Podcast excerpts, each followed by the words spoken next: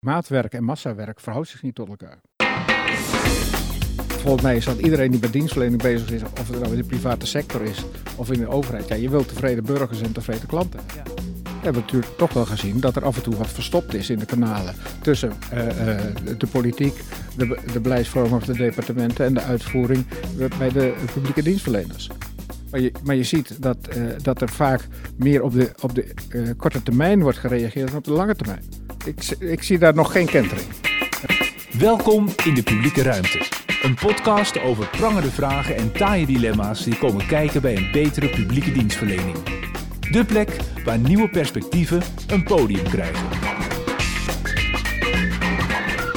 Welkom, welkom in de publieke ruimte, een initiatief van Werk aan Uitvoering. Mijn naam is Martijn Grimius, ik werk bij een grote uitvoeringsorganisatie bij Duo. En tegenover mij zit Otto Tors, hij werkt voor verschillende gemeenten en wij gaan in gesprek met inspirerende collega's, deskundige onderzoekers en moedige ambtenaren. Elke aflevering zoeken we samen met onze hoofdgast naar manieren om de publieke dienstverlening te verbeteren. En uh, Otto, wij zijn in Zoetermeer. Jazeker. Uh, zitten we in de boardroom. En wie hebben we bij ons zitten? Vandaag zijn we te gast bij Ab van Ravenstein, uh, directeur van de RDW. En we hebben natuurlijk eventjes het uh, cv doorgenomen. Je bent econometrist, kwamen we achter. Je hebt heel veel verschillende functies bekleed bij het ministerie van Economische Zaken, uh, waaronder DG, directeur-generaal uitvoering en DG van de Rijksdienst voor Ondernemend Nederland, de RVO. Sinds 2014 ben je algemeen directeur bij de Rijksdienst voor het Wegverkeer, de RDW. Uh, wat ons wel opviel, uh, fietsen staat nog steeds voor mobiliteit in jouw Twitter-bio. Dus dat, dat uh, vonden we wel een interessante. Um, daarnaast ben je ook voorzitter van het samenwerkingsverband van 15 verschillende uitvoeringsorganisaties, de Manifestgroep. En vanuit die rol ook nog eens betrokken bij het netwerk van publieke dienstverleners, de NPD. Daar zijn nog steeds meer uitvoeringsorganisaties in verenigd. Een hele mooie plek dus ook om actief aanjager te zijn van het traject Werk aan Uitvoering. Um, ja, toch maar eens meteen even die vraag. Fietsen voor mobiliteit, kan dat wel als directeur van de RDW? Ja, dat weet ik niet. Maar ik doe het. ja, fanatiek fietser? Nou, redelijk, redelijk fanatiek hoor. Ik heb, uh, het is niet zo dat ik elke weekend op de fiets stap. Maar ik vind uh, lange afstand fietsen leuk, ja. ja dus en... uh, daar, daar heb je weinig tijd voor. Maar ik vind het leuk om een hele dag te fietsen. En eigenlijk leuker dan autorijden?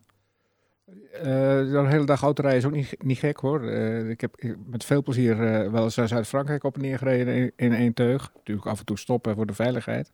Dus dat vind ik ook echt heel leuk. Daar verveel ik me echt niet bij. maar fietsen heeft, heeft, heeft heel veel... Ja, je bent in de natuur. je kunt om je heen kijken. Je ziet veel meer dan in een auto. Dus je hebt op een fiets, als je tenminste niet al te hard fietst, heb je nog altijd tijd om bij de boer op zijn erf te kijken waar je langs ja. fietst, wat daar gebeurt en zo. Dus dat maakt het, ja, het is gewoon een hele, hele goede manier om, om uh, in de omgeving bezig te zijn. En je hebt een actieradius die wat groter is, zodat je wat meer ziet dan alleen maar hetzelfde rondje wat je uit je eigen huis wandelt. En als het over, over de gewone fiets gaat, dat is een van de weinige uh, vervoersmiddelen met wielen waar de RDW dan niks over te zeggen heeft, toch? Ja, dat, uh, dat is zo. De gewone fiets is een, uh, een fiets waar geen, geen kenteken op zit, waar geen goedkeuringen voor zijn. Behalve dan de, de certificaten die de fabrikant zelf wil halen. Ja, we zitten in de boardroom, ik zei het al, van de RDW. dit is de plek waar, waar er normaal gesproken geregeld wordt vergaderd. Ja, normaal gesproken vergaderen we hier uh, regelmatig met het managementteam van de RDW. En ook andere vergaderingen, uh, die, die, zitten hier. Dus uh, voor mij is het handig, want het is naast mijn werkkamer. Dus dan kun je makkelijk oversteken. Ja. Ab van Rapenstein, een van de trekkers ook van, zoals het mooi heet, om, om de statuur en de aantrekkelijkheid van de uitvoering op de kaart te zetten. In het traject Werk aan Uitvoering. Wat maakt de uitvoering nou voor jou zo aantrekkelijk? Ja, de, het is het leuke dat je, dat je resultaat van je werk ziet. En dat je ook met de burger en met uh, bedrijven in contact bent over dingen waar, die voor hen belangrijk zijn en waar je ze voor kunt faciliteren of bij kunt helpen. Ik heb dat eigenlijk vanaf 2003 werk ik in de uitvoering. En uh, juist die praktijk uh, van het werken, uh, ook het, het, bedrijfsmatige wat, er, wat erbij zit, is veel leuker dan, dan het werk op een, in een beleidsafdeling op een departement, waar je vooral bezig bent met een stukkenstroom en zorgen dat het papier op tijd bij de minister is en processen organiseren om, om afstemming te, met andere departementen te krijgen. Dat is een, vind ik, zeker als je dat al een paar keer hebt gedaan, is, is dat een tamelijk saaie klus eigenlijk. Ja. en dan die, die mensgerichte benadering in de uitvoering, hè, je, je haalt hem al kort een beetje aan. Past dat wel bij een econometrist? Want ik had begrepen dat econometrie toch met name probeert om dingen te kwantificeren. En dit gaat wat meer over kwaliteit. Hoe verhoudt zich dat tot waar jij kijkt? Nou ja, het is, dat kunnen de luisteraars niet zien, maar het is al een hele tijd geleden dat ik gestudeerd heb. Dus je maakt daarna ook een ontwikkeling door waar andere dingen op je afkomen. Oké, maar het is niet dat je daar dan nog uh, af en toe op, op teruggrijpt en uh, met een wat, wat meer ja, blauwe bril soms uh, de dingen kan bekijken. KPI's bijvoorbeeld erbij pakt, indicatoren. Ik, ik, ik, ik, pak niet zozeer KPI's erbij. De belangrijke verworvenheid van mijn studie vind ik dat je, dat je structuren doorziet. Uh, en logische verbanden ziet. En kunt denken in oorzaak en gevolg. Uh, je kunt denken in, uh, in normatieve uitspraken en, en, en waardevrije uitspraken. dus dat, dat, dat scheelt wel. Nou, dat helpt. Ja. Om even een beeld te schetsen, wat je op dit moment doet. een paar cijfers uit het jaarverslag van de RDW van 2020. Je bent samen met bijna 1600 FTE onder andere verantwoordelijk voor 4 miljoen kentekencards. 163.000 steekproeven, 7,7 miljoen APK-keuringen en 2 miljard transacties. Dat is ja. nogal wat. Ja. Ja, 2 miljard transacties zijn digitale transacties in, onze, in onze registers in, uh, die in Groningen staan. Uh, de, ja, het, is een, het is een massabedrijf. En het is een, een bedrijf dat enerzijds industrieel is. Hè. Wij, wij doen ook uh, de kentekenkaartjes en de, en de rijbewijskaartjes zelf. Hè. Die, die worden op basis van halffabrikaten, die worden, daar wordt informatie opgezet in, in Groningen en die gaan dan naar de mensen toe. Daar doen we dat voor zo'n ja, toch duizenden per dag. Uh, dus dat, uh, dat zijn wel aantallen. Dus ja. je bent een industrieel bedrijf, je doet, we doen duizend keuringen per dag uh, en dat soort zaken. Dus ja, dat, je, je bent wel met iets bezig. Ja, en, en wat zijn nou de belangrijkste klanten van de RDW? De belangrijkste klanten, wij werken natuurlijk heel, heel nauw samen met, met alle garages, dealers en importeurs in, in Nederland. Hè, die auto's verkopen en op kenteken moeten zetten. Dus daar zijn we direct mee verbonden, zodat uh, langs, uh, uh, langs de elektronische weg de informatie ook in Groningen terechtkomt en het kentekenkaartje gemaakt kan worden en, en, de auto in de registratie kan worden opgenomen. Dus dat is, dat is een hele belangrijke sector waar wij voor werken. Daarnaast hebben we natuurlijk met onze registers een taak voor de hele overheid om te zorgen dat de informatie die in die registers staat beschikbaar is voor verschillende doeleinden. Voor uh, de Belastingdienst om uh, de belastingen uh, te heffen die met mobiliteit gepaard gaan. Voor de politie om handhaving ja. te doen. Ja, en ik noemde het net klanten. Maar noem je ze zelf ook zo klanten? Of wat is eigenlijk de goede benaming voor, voor de mensen met wie je te maken hebt als uitvoeringsorganisatie? Ja, dat is, dat is een, een beladen discussie geworden ook in, het, in de Tweede Kamer. ooit, ooit zijn we, denk ik, om goede redenen uh, vanuit de overheid begonnen met het klantbericht, het, het, klantbesef binnen te brengen. Ook met klantreizen te gaan werken. Uh, dat heeft uh, eigenlijk alleen maar tot doel om de dienstverlening te verbeteren. En om, om inderdaad te zorgen dat je de burger net zo bedient als de klant die koning moet zijn. Ja. Vervolgens is dat een beetje anders geframed. En uh, zeggen mensen, ja, de overheid is de burger als klant gaan zien. Het ging om, om, om winsten en het gaat niet meer om, het gaat om het neoliberale marktdenken. Ja, en die klant heeft geen keus. Hè, die klant heeft geen keus, maar dat was helemaal niet de bedoeling van het klantdenken. Het klantdenken was nou juist bedoeld om de medewerkers aan te geven, ja, we willen, we willen dienstverlenend zijn en we willen die kwaliteit omhoog brengen. De klant is koning en, en dat, daar komt de klantbegrip vandaan. Uh, dus uh, in die zin spreek je over klanten. Natuurlijk, het, zijn, het, gaat om burgers en bedrijven bedienen vanuit de overheid. Ja, en nou noemden we je net al dat, die enorme bulk, hè, die, die massaproductie bijna van, van 4 miljoen kentekenkaarten en noem maar op, APK-keuringen ook miljoenen. met, met zoveel transacties, met zoveel handelingen, kun je dan nog wel maatwerk verlenen? Want dat is eigenlijk een van de, de speerpunten van, van werk en uitvoering. Nee, dat, dat uh, maatwerk en massawerk verhoudt zich niet tot elkaar. Dus dat betekent dat daar een hele, hele fijne balans tussen moet zitten. Dus dat betekent dat je in, eerste instantie het massawerk heel simpel moet kunnen maken. En daar doen we ons best voor. Dus zijn we stap, stap voor stap uh, worden we daar als, als overheden beter in. Dus het gaat eerst om de simpelheid waarmee mensen toegang hebben tot de diensten. Dat, dat is enorm belangrijk. En ook zorgen dat het voor het gros van de mensen, voor 90% van de mensen, ook inderdaad doenbaar moet zijn. Dat is de eerste stap die je moet zetten. En tegelijkertijd moet je uh, in staat zijn om voor die mensen die dat uh, niet zelf kunnen of niet uh, zelf de weg vinden, dan moet er altijd nog de mogelijkheid zijn voor een, een persoonlijk contact en eventueel voor een, een, een op maat gesneden oplossing voor, voor die persoon. Maar dat kan natuurlijk nooit voor 80, 90 procent van de gevallen als het allemaal zo snel moet gaan. Want ja. mensen willen vandaag een auto, kopen vandaag een auto, willen er morgen in rijden. Als we iedereen in staat zeg, zeggen van ja, wacht twee weken, dan hebben we allemaal, dan gaan we het allemaal eh, op een hele andere manier doen. Ja, dan heb je een heel andere samenleving. Ja, maar is die ruimte er bij jullie wel om, die maat, om dat maatwerk waar nodig nog wel te verrichten of om dat uh, te doen?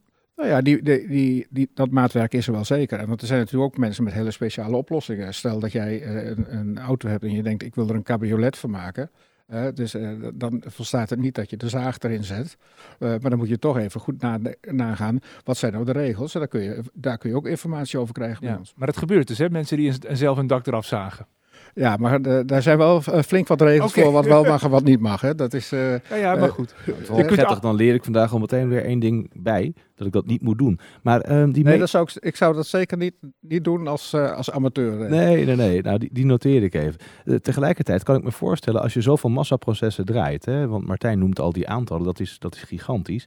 Um, voor dat stuk maatwerk wat je wel wilt leveren. Je medewerkers, die moet je daar wel en wel voor, voor stimuleren en voor opleiden. En, en ook misschien ook wel belonen om die klant beter te bedienen. Um, dit haal ik uit een uh, quote van jouzelf. Die jij eigenlijk, uh, is een uitspraak van jou toen jij directeur was van het uh, agentschap uitvoering bij economische zaken. Um, dat was tien jaar geleden. kun je nou ook iets zeggen over de ontwikkeling die medewerkers hebben, hebben doorgemaakt? Nou, die afgelopen tien jaar, als je een beetje zo terugkijkt. Want er worden telkens andere eisen gesteld. Hè? De, de, de bestuurlijke drukte nam wat toe over wat we verwachten van mensen. Ja. Uh, wat zie jij gebeuren in jouw organisatie? Ja, dat, is de, dat is dus de moeilijke stap die je moet maken in, in de behandeling van de processen. Wanneer moet je uit die uh, schablomatige benadering stappen die heel goed is en die voor sommige mensen ook prima is en die ze eigenlijk ook willen. Hè, want sommige mensen willen inderdaad midden in de nacht een, een belastingformulier indienen en niet wachten tot de volgende ochtend. Hè, dus uh, dat, dat wil men ook. En je moet dus in de organisatie moet je, uh, ja, de signalen oppikken wanneer het anders moet. We hebben dat ook uh, binnen de RDW uh, gedaan een aantal jaren terug. Dus we hebben een aantal jaren terug waren er vaak problemen van stapeling van verkeersboetes. Mensen die door de, doordat ze een paar keer in, in de bestanden werden aangemerkt als ik, je hebt je verzekering niet betaald. Uh, werden aangeschreven en een, en een boete kregen. En soms liep dat uh, op, omdat mensen ofwel hun post niet openmaakten ofwel niet konden betalen. En daar krijg je dan uh, rechtszaken voor, gijzelingssituaties zelfs. En op een gegeven moment heeft ook de ombudsman dat aan de orde gesteld. En toen hebben we gezegd, ja, dat, dat kan inderdaad niet zo. Dus we nee. moeten op een andere manier met die, met die boetes omgaan. En we hebben toen een systeem ontwikkeld waarbij we hebben gezegd, als, als we nu zien dat er stapeling optreedt, in, al in een vroeg stadium, maar dat kun je met je systeem ook best inregelen. Je kunt best een signaal laten komen van, hé, hey, op één adres gaan er nu drie boetes tegelijk heen. Dat soort dingen. Nou, dan hebben we gezegd, nou, als, als dat één, twee keer gebeurt, dan gaan we bellen eh, om te kijken wat er, wat er aan de hand is. Ja. Dus dat is een goede combinatie van enerzijds zorg dat er signalen uit je geautomatiseerde systeem komen waar je wat mee kunt. En vervolgens ga daar gewoon in, de, in, in een directe persoonlijke benadering eens kijken wat er aan de hand is. En dat helpt heel goed. Ja.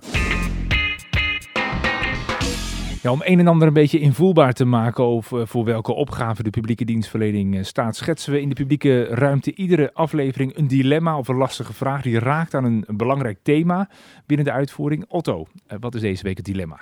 Um, deze week hebben we het dilemma met als titel handelen vanuit de wet of vanuit de bedoeling. Um, ingezonden door Francine. Zij is ambtenaar bij een uitvoeringsorganisatie en ze vertelt ons dat ze vaak tegen wettelijke beperkingen aanloopt.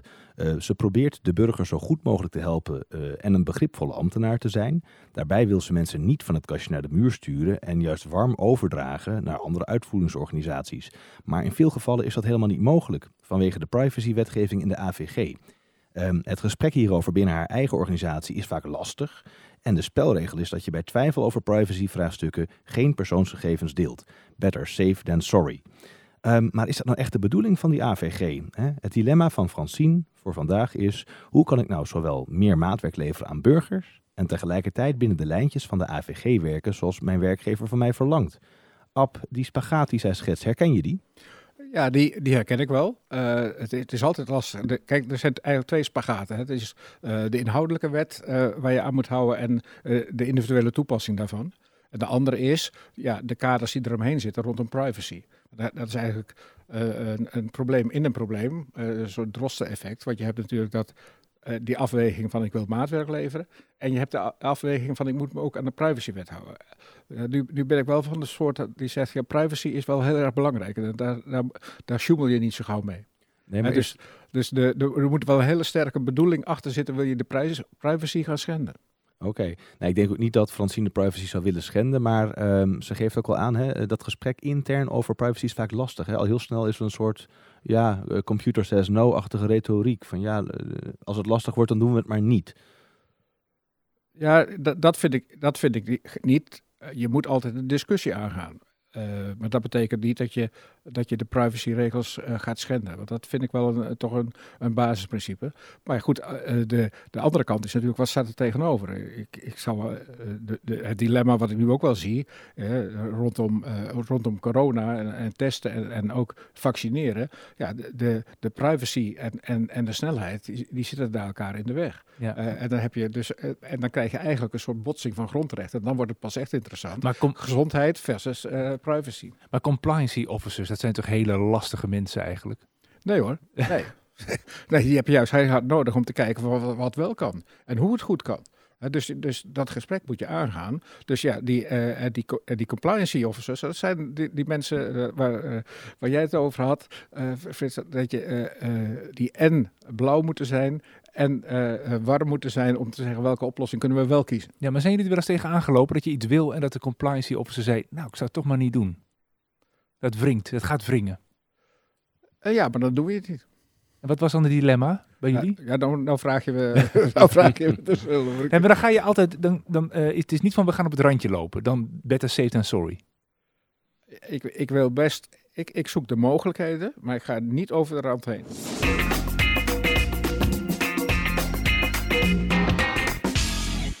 Op van Rapenstein, Maaike Klip, eh, ken je die? Maaike Klip, van de begripvolle ambtenaar. Nee, ken ik niet. heeft onderzoek gedaan en, en eh, zij werkte bij Duo. Eh, en ehm, ja, ze heeft onderzoek gedaan naar de begripvolle ambtenaren. Ze maakte fotoportretten van haar eh, collega's bij Duo en stelde steeds de vraag: hoe kun je nou een begripvolle ambtenaar zijn? Ze hield er een blog over bij en in de publieke ruimte neemt ze ons iedere aflevering mee in een van de inzichten die ze heeft opgedaan. Toen ik net bij de overheid ging werken, raakte ik regelmatig verdwaald. Niet alleen in het gebouw van de duo waar ik werk, van 24 verdiepingen, maar het duizelde me vooral van alle afdelingen, directies, teams en zoveel collega's. Duo is zo groot en dan heb ik het nog niet eens over de hele overheid. Hè? Ik ben mijn eigen organisatie pas goed gaan begrijpen toen ik naar scholen ging en met studenten en medewerkers van scholen zelf ging praten toen ik van hen hoorde over wat zij nodig hebben van Duo en ook hoe zij de relatie met Duo ervaren. Toen pas snapte ik eigenlijk waarom er zoveel afdelingen zijn, wat mijn collega's doen en ook waarom ons werk belangrijk is. Toen zag ik hoe het allemaal in elkaar paste. En dan zie je dus ook heel scherp wat niet zo belangrijk is en waar we net zo goed mee kunnen stoppen, want studenten of scholen hebben er misschien toch niet zoveel aan. In mijn onderzoek naar een begripvolle overheid leerde ik veel nieuwe collega's kennen. En zij herkenden mijn struggle om overzicht ook, want dat waren ze zelf ook vaak kwijt. Ze vonden mijn verhalen over studenten en wat ik op scholen meemaakte juist super interessant, want die hoorden ze helemaal niet zo vaak. In deze gesprekken met collega's merkte ik hoe moeilijk het is om te weten of jouw handelen bijdraagt aan een betere relatie tussen de overheid en de burger. Daarvoor moet je namelijk weten welk deel van het geheel jij bent. En dat geheel is tegenwoordig nog maar moeilijk te overzien. Kijk, dit is wat mijn collega's daarover zeiden. Toen ik programmeur was, had ik er heel veel last van dat ik niet wist wat het kleine stukje programmatuur wat ik maakte, wat dat voor rol had in het geheel. Ik had Mm. geen idee. kun je wel volhouden van ja, dat proces is zo optimaal mogelijk eh, gemodelleerd. Maar de klant heeft daar zoveel problemen mee. Die past zich niet aan aan Die- dat proces. precies. Die doet dat gewoon niet. Precies, medewerkers die Ja. zitten mokkend, zitten ze dan dat, dat onhandige proces uit te voeren soms. Ja. Maar eh, dat geldt niet voor klanten. Ja. Ik, ik maakte iets en het deed het. Hè. Ik moest het Ja. zelf testen en het deed het en het werkte. ja. En dan had ik een klus klaar, maar geen idee Wat je nu bereikt had voor in de klas. hoe dat in de hele Ja. keten. Ik doe Ja. bijvoorbeeld nu bezwaar beroep, dat is dan iets nieuws. Dat klanten ook zelf een bezwaar elektronisch kunnen indienen. Ja. Daar pak ik van voor tot achter de Ja. keten. Dat is dus in die zin een Ja. hele interessante. Ook, Ja, maar ook ja. dat is strikt genomen, zeker in mijn filosofie, eh, niet helemaal logisch hoort. En ik denk dat Ja. eh, het mij toen heel erg had geholpen als ik had geweten, Ja. dit stukje heeft die positie in die hele keten of Ja. in die hele estafette. Ja. En uiteindelijk is dit waarom het Ja. nodig is. Dat overzicht kwijt, ja, daar zijn wij dus echt niet alleen in. Bij de formatie van het kabinet in 2017 waarschuwde Herman Tjenk Willink er ook al voor. Wie heeft er nog overzicht op al die ketens bij de overheid? Nou, ik parafraseer een beetje. Wie snapt er eigenlijk wat we aan het doen zijn en wat burgers daaraan hebben? Een begripvolle overheid begint bij overzicht. Je kunt pas een begripvolle ambtenaar zijn als jij jouw deel in het geheel weet. Wat heeft de burger nou aan jouw werk? De begripvolle ambtenaar volgens Maaike Klip. Eh, dit is de publieke ruimte waarin we op zoek gaan naar manieren om de publieke dienstverlening te verbeteren. Vandaag spreken we met Ab van Ravenstein, algemeen directeur van de Rijksdienst voor het Wegverkeer, de RDW. Ja, als je het hebt over overzicht op de ketens, dan zul je wel moeten gaan samenwerken, Otto. Ja, ehm, wat een belangrijk onderdeel van werk aan uitvoering gaat juist ook over die samenwerking. En nu zei ik al aan het begin, jij bent de voorzitter van de Manifestgroep. Ehm, ongeveer 15 uitvoeringsorganisaties en die praten gezamenlijk met grote regelmaat met elkaar. Waar praten jullie nou eigenlijk over? Ja, over datgene wa- waarvoor de manifestgroep eh, is opgericht. Ja, maar daar kan ik niet zoveel mee. Wat doen? eh, Nee, noem, eens, noem eens drie dingen. Ja, gewoon, eh, wij praten over dienstverlening. Wij praten over verbetering van dienstverlening. Eh, om een voorbeeld te noemen, we hebben vorig jaar zijn we gestart met een samenwerking met de bibliotheken. eh, om, om burgers te ondersteunen bij het eh, digitaal zaken doen met, met onze organisaties. Daar hebben we een eh, pilots gedraaid en het wordt nu naar, naar heel veel bibliotheken wordt dat, wordt dat uitgebreid.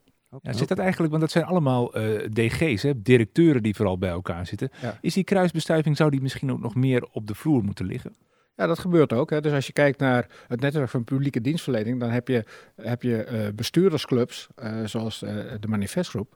Maar we hebben ook in het kader, en dat heet dan de Rijksbrede Benchmarkgroep, zijn er ook gewoon eh, communities van mensen, eh, mensen die met aanbesteding bezig zijn, mensen die met milieuaspecten van aanbesteding bezig zijn, de financiële medewerkers, de eh, personeelsmedewerkers. Dus eh, eh, op die manier, we hebben daar ook een, een leerhuis waar dat ook gebeurt. Ja, er worden ja. altijd ook best practices awards georganiseerd om, om eh, ervaringen te delen en eh, ja, eh, om met elkaar ook, te, ook eh, te, te merken hoe leuk het is om in Ja. de uitvoering te werken. Ja, maar daar zie ik in één keer de grote glimlach komen. Want dat is eigenlijk gewoon hartstikke leuk.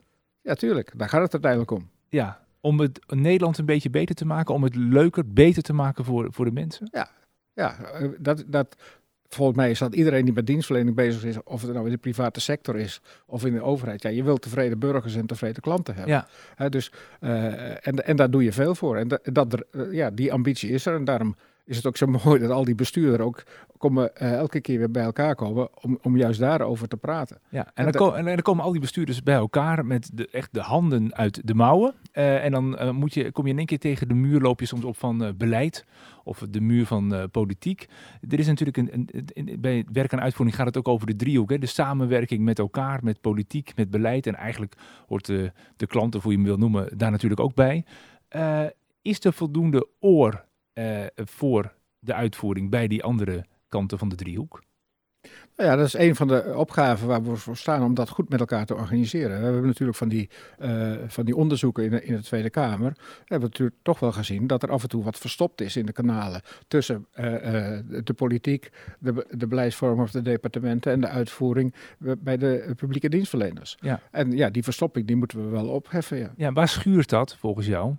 Wat, hoe bedoel je dat precies? Nou, in de samenwerking, waar kan dat beter? Of, eh, eh, want eh, moet, moet je dan harder met je vuist op tafel geslaan als uitvoerder? Moet je zelfverzekerder zijn? Wat is dan eigenlijk je rol? Nou ja, je moet wel assertiever zijn en, en de samenwerking zoeken. Dus ik, ik denk dat er wordt wel gespro- gesproken over de scheiding tussen beleid en uitvoering. Dat vind ik uit eh, bedrijfsvoeringstechnisch oogpunt heel belangrijk, omdat je het, het zijn ook wel twee vakken, het zijn twee verschillende processen. Je moet andere organisaties eh, leiding geven. Het is, het is wat anders of je papier managt of dat je eh, een uitvoeringsproces managt. Eh, maar je moet elkaar dus beter opzoeken. Hè? Dus eh, een goed huwelijk eh, eh, eh, zou beter zijn. Ja, eh, een goed huwelijk. Eh, maar eh, blijft de glimlach nog wel eh, als je denkt aan eh, eh, politiek of aan beleid? Of gaat die dan een beetje, wordt die, gaat die mond ook dan iets naar beneden? Nou, die mond, nou, ik vind, dat zijn uitspraken, dan, moet je zelf maar zien hoe dat, hoe dat gaat. Maar, eh, kijk, wat je, wat je ziet is mensen hebben andere eh, eh, primaire reflexen.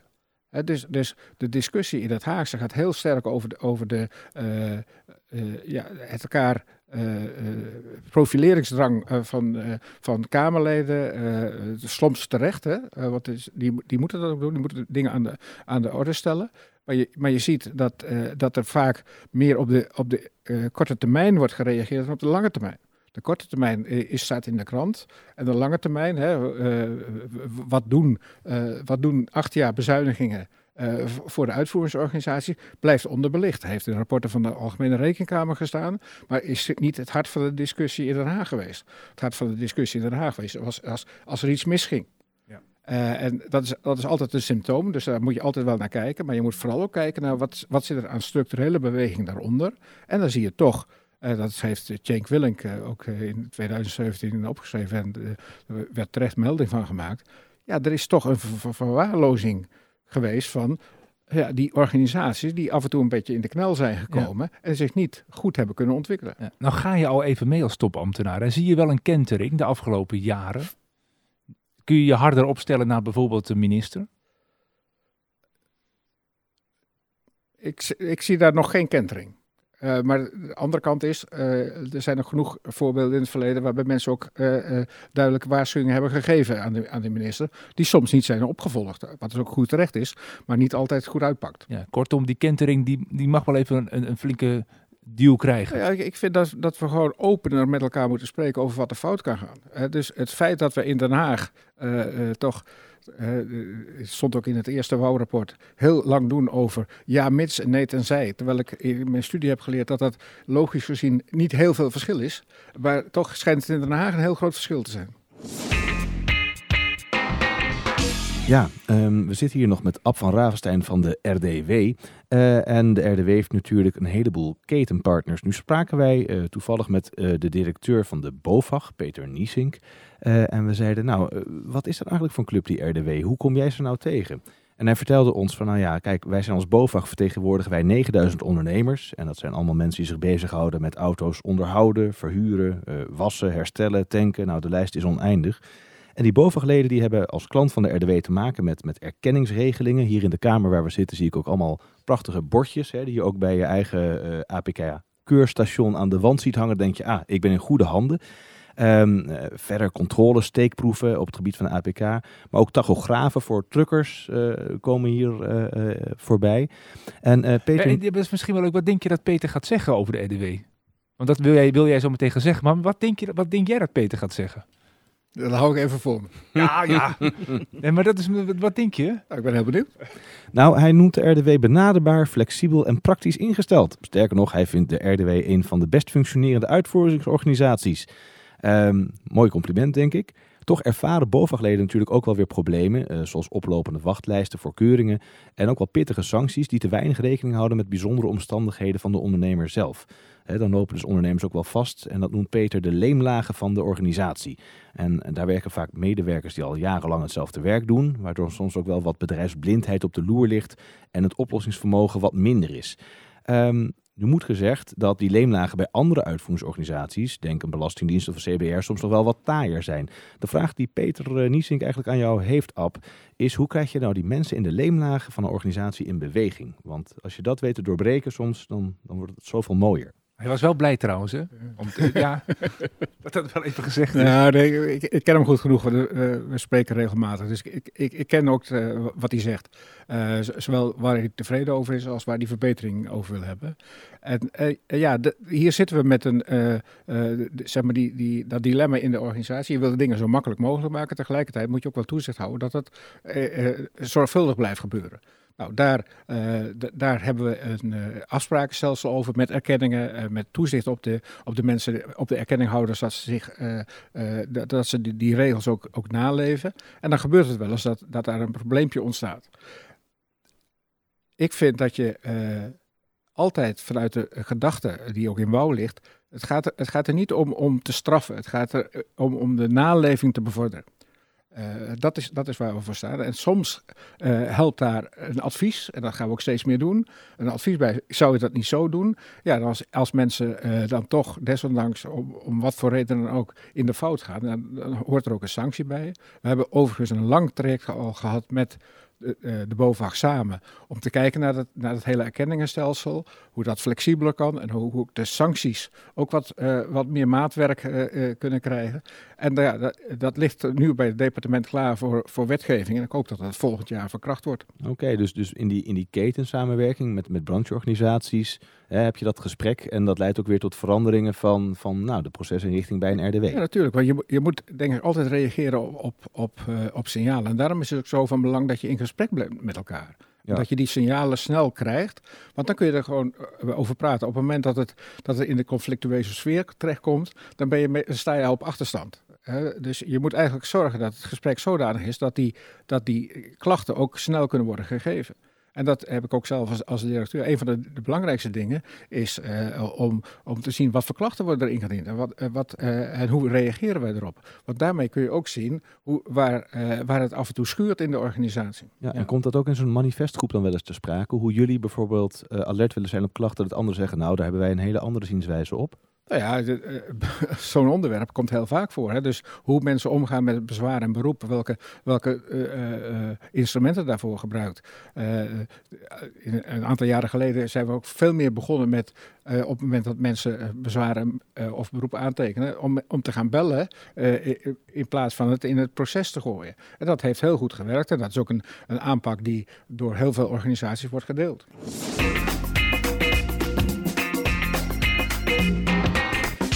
Ja, iedere aflevering vieren we een hoera-moment, een wauw-moment. Want op veel plekken zijn er al prachtige stappen gezet in een eh, betere dienstverlening. Otto, wie hebben we aan de lijn? Ehm, vandaag in, eh, in het Hoera-moment spreken wij met Matthijs Schoenze. Hij is Innovation Designer bij de SVB. En dat doet hij de afgelopen drie jaar vanuit het Novum Lab.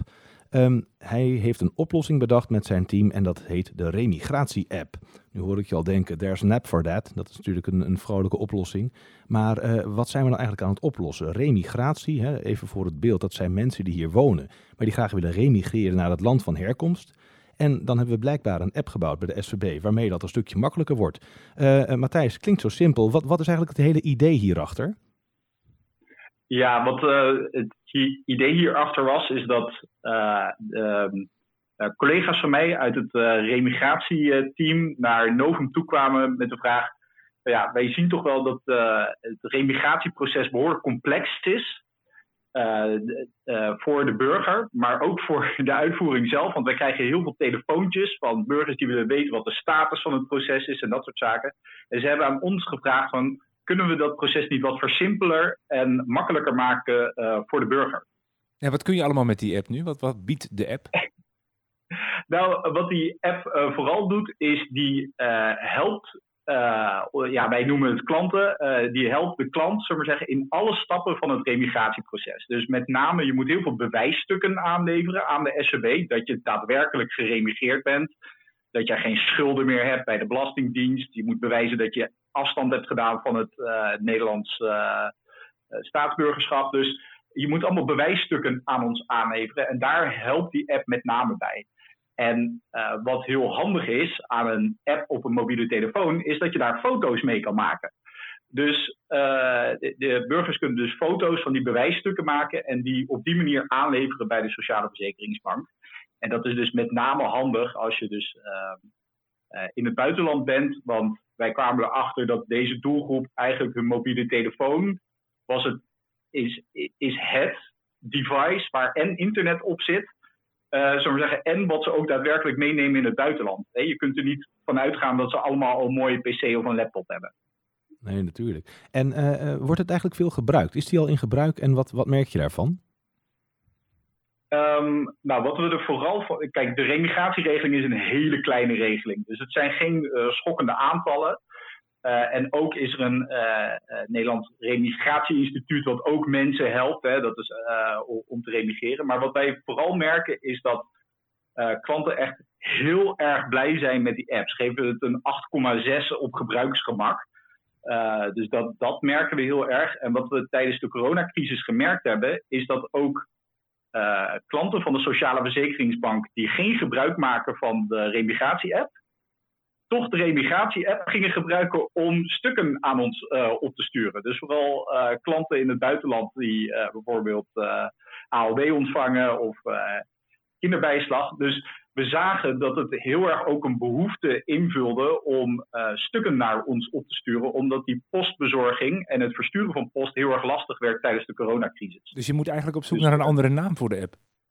Ja, sterker nog, we hebben eh, zelfs een tweede app gelanceerd. Dat noemen we de Upload app. Die eigenlijk alleen die ene specifieke eh, feature, dus voor het uploaden en opsturen van documenten naar de SCB, dat die dat mogelijk maakt. Dus ja, daar zie je dat eigenlijk de app eigenlijk eh, zo prettig werkt dat ook eigenlijk die gebruikt gaat worden voor dingen waar die oorspronkelijk niet voor bedoeld was. Ja, Dus, eh, ik vind, ja, wel, ik, vind, wel, ik, vind wel, ik vind wel grappig dat je eigenlijk van tevoren denkt, ja, niet weer een app. Dan kom je daarop uit en het werkt eigenlijk het allerbeste.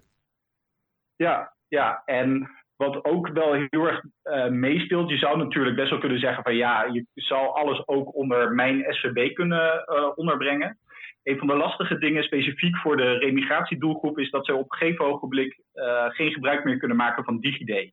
Dus wij hebben eh, een eh, ander identificatiesysteem ingebouwd dat we wel zeker weten dat we met de juiste persoon praten, maar zonder gebruik te maken van DigiD. Dus dat was ook wel een van de dingen die meespeelden. En is deze app, ik kan me voorstellen, want dit zijn remigranten, ook in het buitenland, zitten natuurlijk ook heel veel Nederlanders in het buitenland. Zijn deze ervaringen al gedeeld bijvoorbeeld met een, uh, een ministerie als van Buitenlandse Zaken, dat die daar ook iets mee zou kunnen voor, voor Nederlanders in het buitenland? Oh, dat weet ik om heel eerlijk te zijn niet. Ik weet wel dat er uh, rondom een andere app die we ontwikkeld hebben, die gaat over uh, een, het uitvoeren van een levensbewijs. Hè. Dus als je bijvoorbeeld als Nederlander in het buitenland AOW ontvangt, dan moet je één keer per jaar bewijzen dat je in leven bent. dat daar wel eens contact over zijn geweest van, goh, kunnen we, ja, dat is voor buitenlandse zaken ook wel een belangrijk ding. Uh, dus eigenlijk, het, eigenlijk, Matthijs, kunnen we hier nu een onverhulde oproep plaatsen. Dus ben jij of ken jij toevallig die persoon bij Buitenlandse Zaken die met dit soort dossiers bezig is? Neem eens even contact op met Matthijs Groensen van, van Novum bij de SVB. Want wellicht heeft hij een oplossing die jij ook kan gebruiken. Ja, ja, je kan altijd contact met me opnemen voor goede ideeën. Dat is, dat, dat is mijn werk ongeveer. Dus, is goed, ja. Matthijs. Nou, we sturen je een appje, denk ik. Alright, nou, okay. mooi. Ja, mooi, uh, mooi voorbeeld. Uh, bewijsstukken opsturen uh, via een app op je telefoon. Um, ter afsluiting, want je wordt dit jaar 67. Als je het hebt over de SVB. SVB. al. Of je bent het al. nou, dus al te maken gehad of binnenkort te maken ook krijgen met de SVB, of niet? Heb ik, ja, heb ik al te maken mee gehad. Ja. ja. Ik, ik ontvang ARW, ja. Dus eigenlijk al in blessuretijd nog hier bij de RDW.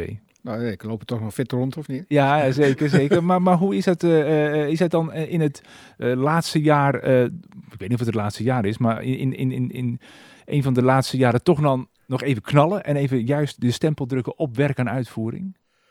Nou ja, dat, dat kwam toevallig op mijn weg door de functies in de, in de manifestgroep. En natuurlijk ook de functie voor de RDW. Ik, ik ben in zes en half jaar geleden naar de RDW overgestapt.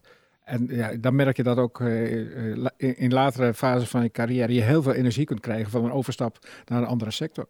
Voor, vooralsnog dus met volle energie door. Maar is het dan ook de ruimte om misschien juist dingen te zeggen, dingen te doen die je in, in een eerder stadium van je carrière niet zou doen? Nou, het grote voordeel van, uh, van uh, het gevoel hebben dat het uh, laatste klusje in de carrière is, althans in, voor een fulltime baan, is, is dat je niet meer bezorgd bent over de volgende baan.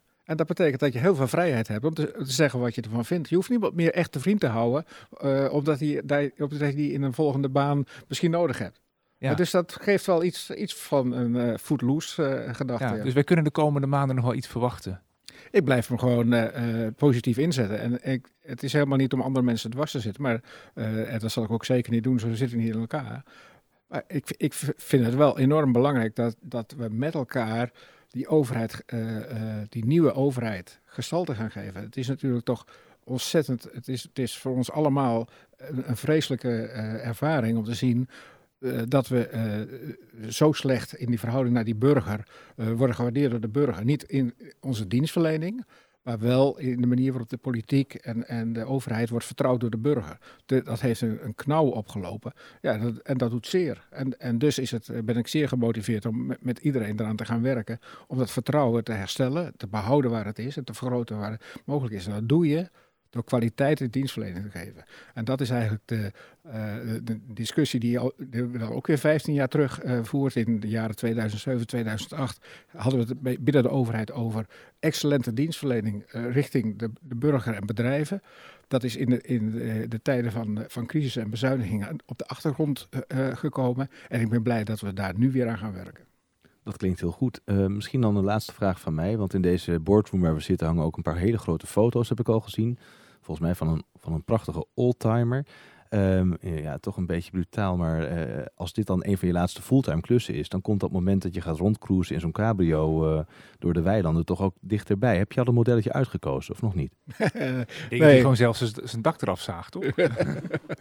Nee, ja, ik, ik denk dat eh, bij mijn cabrio bestaat al. Die heeft ook die heeft geen dak. Hij Nee. heeft nooit een dak gehad. Het is gewoon een fiets. Ah, en, er, en er zit tegenwoordig een, eh, een, een hele mooie hulpmotor in, de, in, de, in, in, eh, de achter, in het achterwiel. Eh, dus die, die, die trapondersteuning die helpt me nog lekker, lekker rond. En dat vind ik heel wat leuker dan, dan in een auto zitten. Hoewel dat heel veel plezier is. Maar om nou een auto te nemen om met een open kap door de natuur te rijden. Ja, ga dan lopen of fietsen. Op duidelijk. Ravenstein, dankjewel. Graag gedaan. Dit was De Publieke Ruimte, een podcast over publieke dienstverlening. Een initiatief van Werk aan Uitvoering. Tegenover mij zit Martijn Grimmius, mijn naam is Otto Tors, onze hoofdgast was Ab van Ravenstein. Vond je dit interessant? Deel dan deze podcast met je collega's en geef een reactie in de comments. Denk je dat deze podcast nog veel beter kan? Tip dan de redactie met jouw ideeën, dilemma's en hoera-momenten. Ga daarvoor naar onze website dienstverlening op de agenda.nl. We spreken je graag een volgende keer.